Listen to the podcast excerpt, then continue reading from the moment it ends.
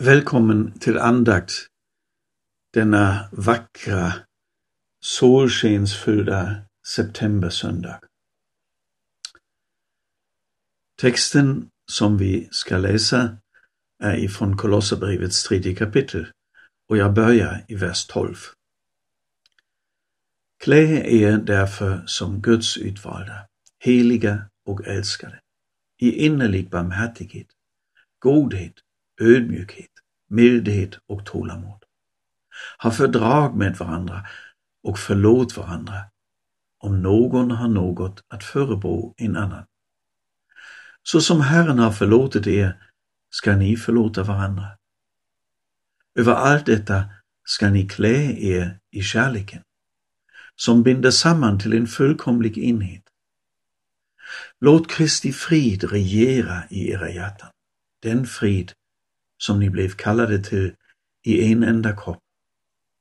Och var tacksamma. Den gångna söndagen påmindes vi om aposteln Paulus jubel över befrielsen som Gud skänkt oss i Kristus. Synden, döden och djävulen har ingen äganderätt över mitt liv längre, är inte längre min slavägare, utan jag har en ny herre. Han som köpt mig fri.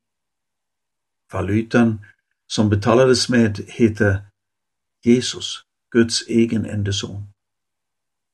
Med honom har hela köpeskillingen lagts. Inget fattas. Att vi är friköpta och har fått förlåtelse för våra synder. Det är en så viktig sanning att den går som en röd tråd genom all undervisning i Nya testamentets brev. Den återkommer, ja, den är det viktigaste ämnet för Paulus. Jesus Kristus och honom som korsfäst för oss. Därefter påminner han oss om vad som borde vara konsekvenserna för vår livsföring. Så också i verserna som jag läste inledningsvis.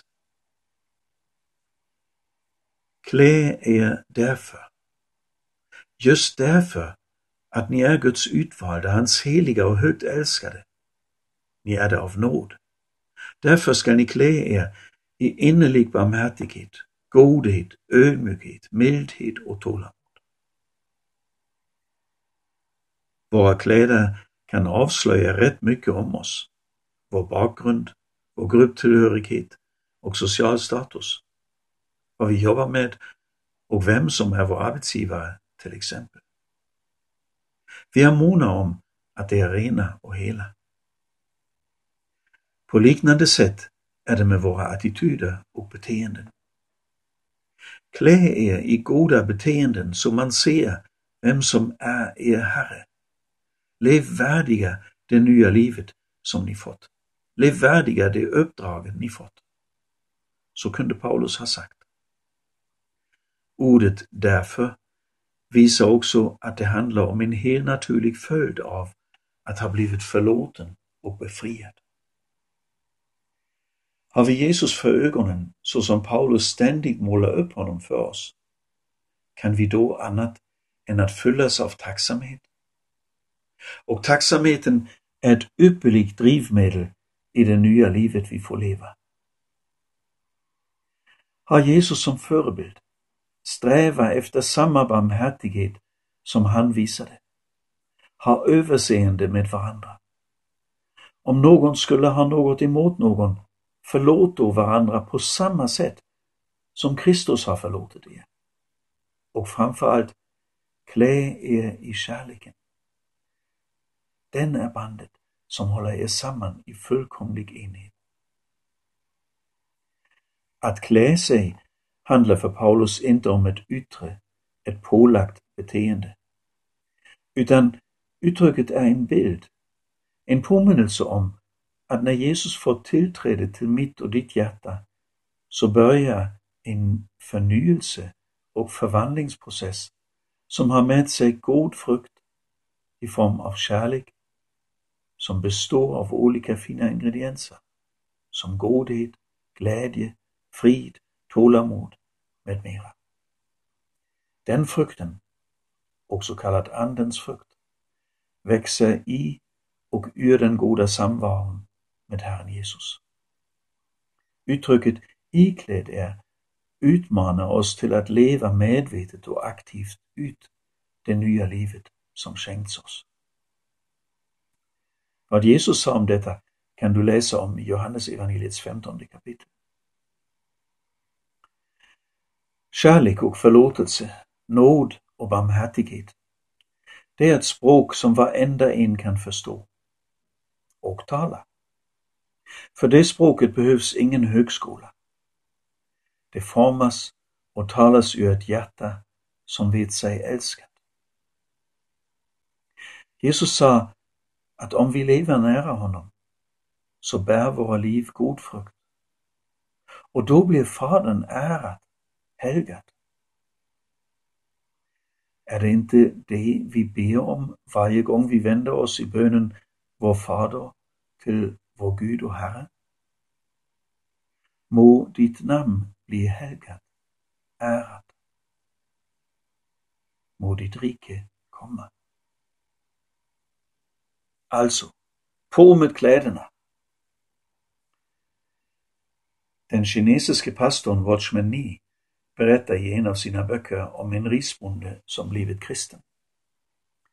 Till hans vardagssyssla hör att tidigt på morgonen ta sig upp till sitt risfält, som ligger nästan längst uppe på den terrassformade sluttningen, för att fylla det med vatten.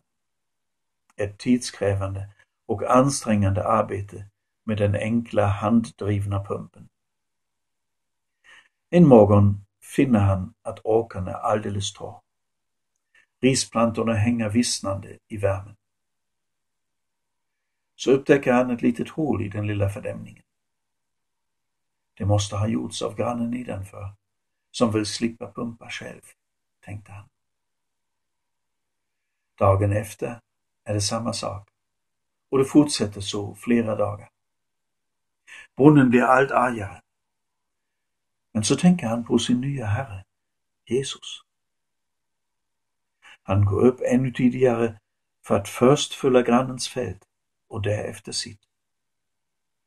Det satte spår. Frågor började ställas och snart fanns det flera som tog emot och följde i Jesu fotspår.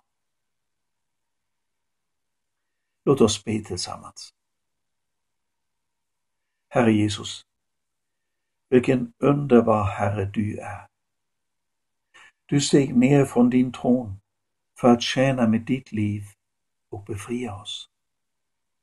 Det kostade dig allt. Hur ska vi kunna tacka dig för all den nåd som du skänker oss var dag?